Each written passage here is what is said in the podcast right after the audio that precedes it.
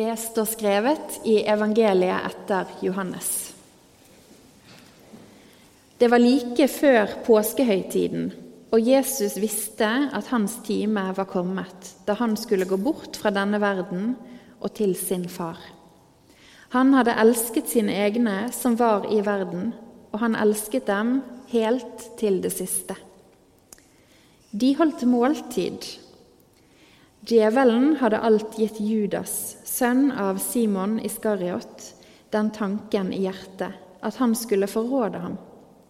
Jesus visste at far hadde gitt alt i hans hånd, og at han var utgått fra Gud og gikk til Gud. Da reiste han seg fra måltidet, legger av seg kappen, tar et linklede og binder det om seg. Så heller han vann i et fat og begynner å vaske disiplenes føtter og tørke dem med linkledet som han hadde rundt livet.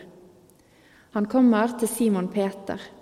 Peter sier, 'Herre, vasker du mine føtter?' Jesus svarte, 'Det jeg gjør, forstår du ikke nå, men du skal forstå det siden.' 'Aldri i evighet skal du vaske mine føtter', sier Peter. 'Hvis jeg ikke vasker deg, har du ingen del i meg', svarte Jesus. Da sier Peter, 'Herre, ikke bare føttene, men hendene og hodet også.' Jesus sier til ham, 'Den som er badet, er helt ren og trenger bare å vaske føttene.'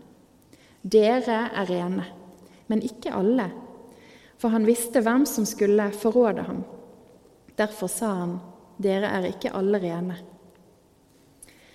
Da han hadde vasket føttene deres og tatt på seg kappen, tok han plass ved bordet igjen. Så sa han til dem, Forstår dere hva jeg har gjort for dere? Dere kaller meg mester og herre, og dere gjør det med rette, for jeg er det.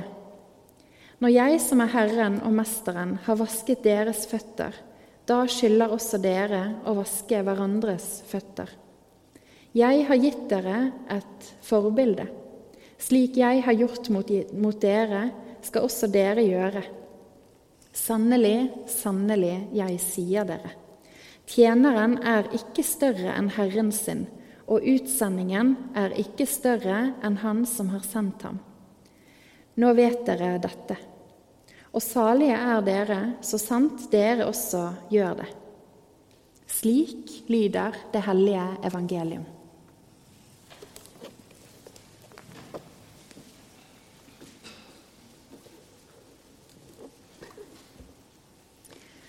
Denne påsken her har jeg ventet på.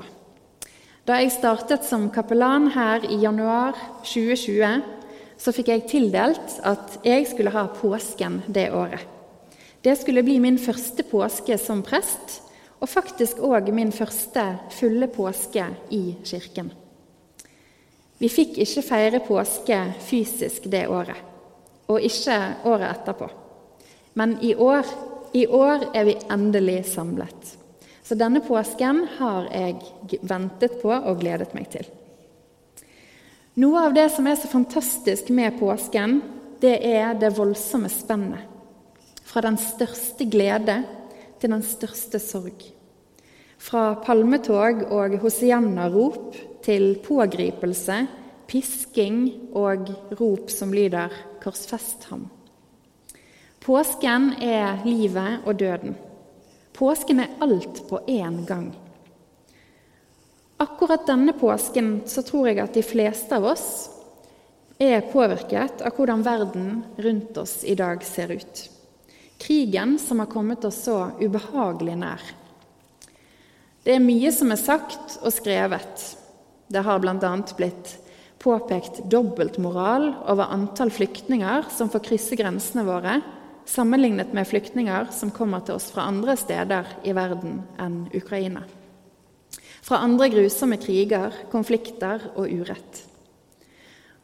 Og så er det sånn at ikke alle som kommer hit, blir tatt imot på en god måte. Det er rystende å lese om seksuelle overgrep av sårbare flyktninger. At det foregår i vårt eget land, det er ganske guffent. Det er guffent når urett og ondskap kommer tett på. Hvordan skal vi tenke om alt dette på skjærtorsdag i påsken 2022? Hva er sammenhengen mellom fotvasking, nattverd, måltidet, krig og terror? Har det i det hele tatt noen mening å snakke om disse tingene ved siden av hverandre? Jeg tror at det kan ha det. Fordi at påsken rommer alt dette. For hvordan kan vi egentlig sitte og snakke om våre interne religiøse forestillinger uten å skulle holde det sammen med den verden vi lever i? Uten å holde det sammen med livet sånn som det er, i all sin prakt og òg i all sin grusomhet. Hva slags tro har vi egentlig hvis vi ikke kan det? Men det er ikke innlysende hva dagens tekster om fotvasking og innstiftelsen av nattverden kan ha med verden og nyhetsbildet i dag å gjøre. Vi må løfte blikket litt, ut fra oss sjøl. Og På den måten så kan vi kanskje få øye på hva Jesus har med våre liv å gjøre.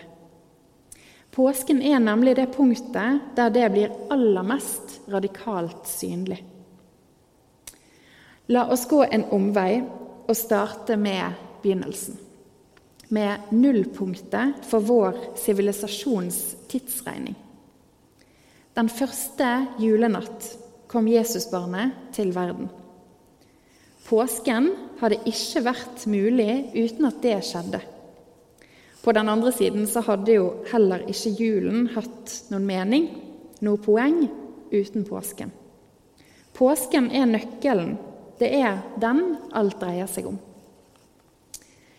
Jesus ble født av jomfru Maria den julenatten. Han var et menneske av kjøtt og blod. Men det er påsken som viser oss at Jesus er en gud som ble menneske på ordentlig. Hvis han hadde kunnet være på jorden bare som en opphøyd profet eller konge, uten å kjenne til verdens ondskap og lidelse, så hadde han ikke vært menneske sånn som oss andre. Akkurat det var den mest populære vranglæren som kristne måtte bekjempe i århundrene etter den påsken.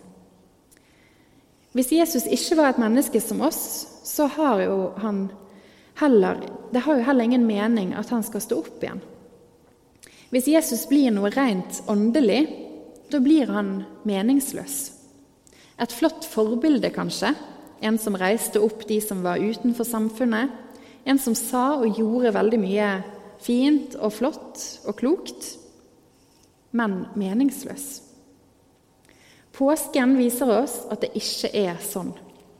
Den hamrer inn, bokstavelig talt, at Jesus er et menneske som oss andre. Han kan spise, drikke, elske, lide, savne og dø slik som de i Ukraina, de i Russland, de alle andre steder. De iblant oss. Han kan oppleve det samme som oss. Og det gjør ikke Jesus likegyldig, men det viser at han ikke bare er til stede når livet går på skinner, men i hele våre liv, i vårt mørkeste dyp, i vår ondskap, i vår nød og i vår sorg. Her ligger sammenligningen og sammenhengen. Han som var hos oss i vår nød, og som ble mishandlet og døde, slik som mange mennesker blir. Han velger på den kvelden der han skulle bli forrådt og arrestert. Da velger han å vaske føttene til disiplene sine.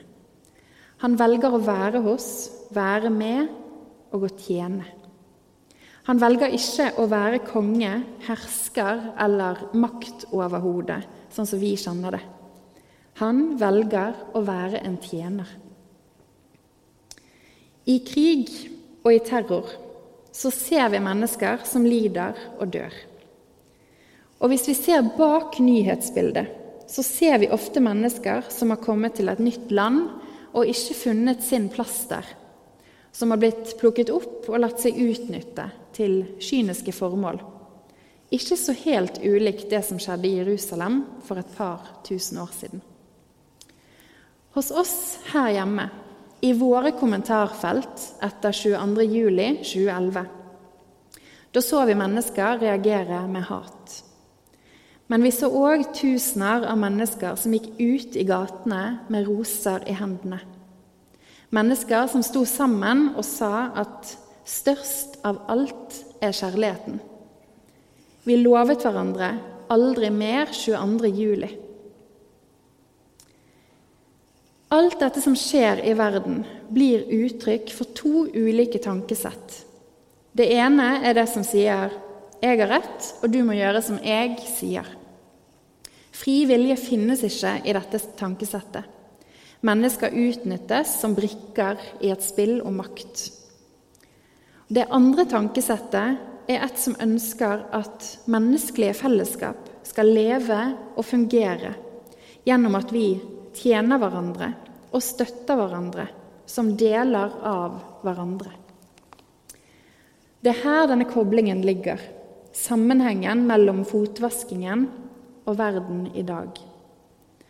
Her ser jeg mening i det meningsløse, i det at mennesker ser hverandre som mennesker ikke bare som brikker eller redskaper, og at de er villige til å ofre noe for hverandre, slik som Jesus gjorde da han vasket sine venners føtter. Han visste at alle ville forråde ham. Likevel delte han brødet og vinen med dem og sa at det er hans kropp og hans blod. Likevel tok han av seg klærne sine og vasket føttene deres eller han legger av seg kappen og tar et linklede og binder det om seg, som det står. Han som snart skulle legge ned livet og bindes fast. Han visste at alt dette skulle ramme han. Likevel gjorde han det. Jesus vasket disiplenes føtter. Og når Jesus vasker disiplenes føtter, så viser han seg som en tjener. Han snur opp ned på hvem som har makten i rommet, og han viser seg som den minste. Og som forklaring så sier han, 'Dere kaller meg mester og herre', og dere gjør det med rette, for jeg er det. Når jeg som er Herren og Mesteren, har vasket deres føtter, da skylder også dere å vaske hverandres føtter. Jeg har gitt dere et forbilde. Slik jeg har gjort mot dere, skal også dere gjøre. Altså, slik jeg har gjort mot dere, skal også dere gjøre. Det er disse ordene Jesus sier om seg sjøl når han vasker disiplenes føtter. Og her er vi. Over 2000 år etterpå så sitter vi her, Jesu disipler, og hører ordene hans. Slik jeg har gjort mot dere, skal også dere gjøre. I kveld så vasker vi ikke føtter. Vi kunne ha gjort det, men vi har ikke tradisjon for det her hos oss. Kanskje burde vi hatt det. Men vi feirer og deler nattverd i kveld. Og da med et særlig alvor. Et fellesskapsmåltid til minne om Han som sa at vi alle er ett, og som innstiftet dette måltidet nettopp for å understreke det for oss. For å hjelpe oss å huske og la minnet om Han leve videre i oss og gjennom oss. Når vi deler nattverden, da er vi sammen med alle de som lider, og som har lidd slik som han ville være det. Han ba oss om å være sammen med de som har det vondt, på vegne av seg. Og vi er sammen med hverandre for det at vi er ett. Én verden, én menneskehet, ett brød, ett beger. Vårt oppdrag er å ta imot og å dele videre. På den måten kan vi, som Jesu kropp på jorden, bidra til at mennesker blir reist opp og får erfare de oppstandelseskreftene som vi har fått. De som vi får dele i kveld. Disse kreftene får vi dele videre. Når vi, når vi, i kveld går fra måltidet og fra kirken, så tar vi Jesus med oss ut i natten igjen. Til alle som er der ute, så tar vi Kristi lys med oss. La oss bringe det videre til de som lider, enten det er i Ukraina eller i andre steder. Det er vårt oppdrag, vår kalk og vårt frelsens beger. Til minne om Han som ga seg sjøl, denne natten der han ble forrådt. For hver gang dere spiser dette brødet og drikker av begeret, forkynner dere Herrens død, helt til Han kommer. Ære være Faderen og Sønnen og Den hellige ånd, vår skaper, frigjører og livgiver.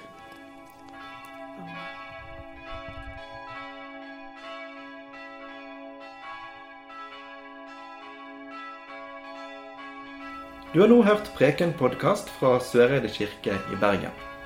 Følg oss gjerne på Facebook og Instagram, eller gå inn på vår nettside kirken.no soreide. Takk for at du hørte på.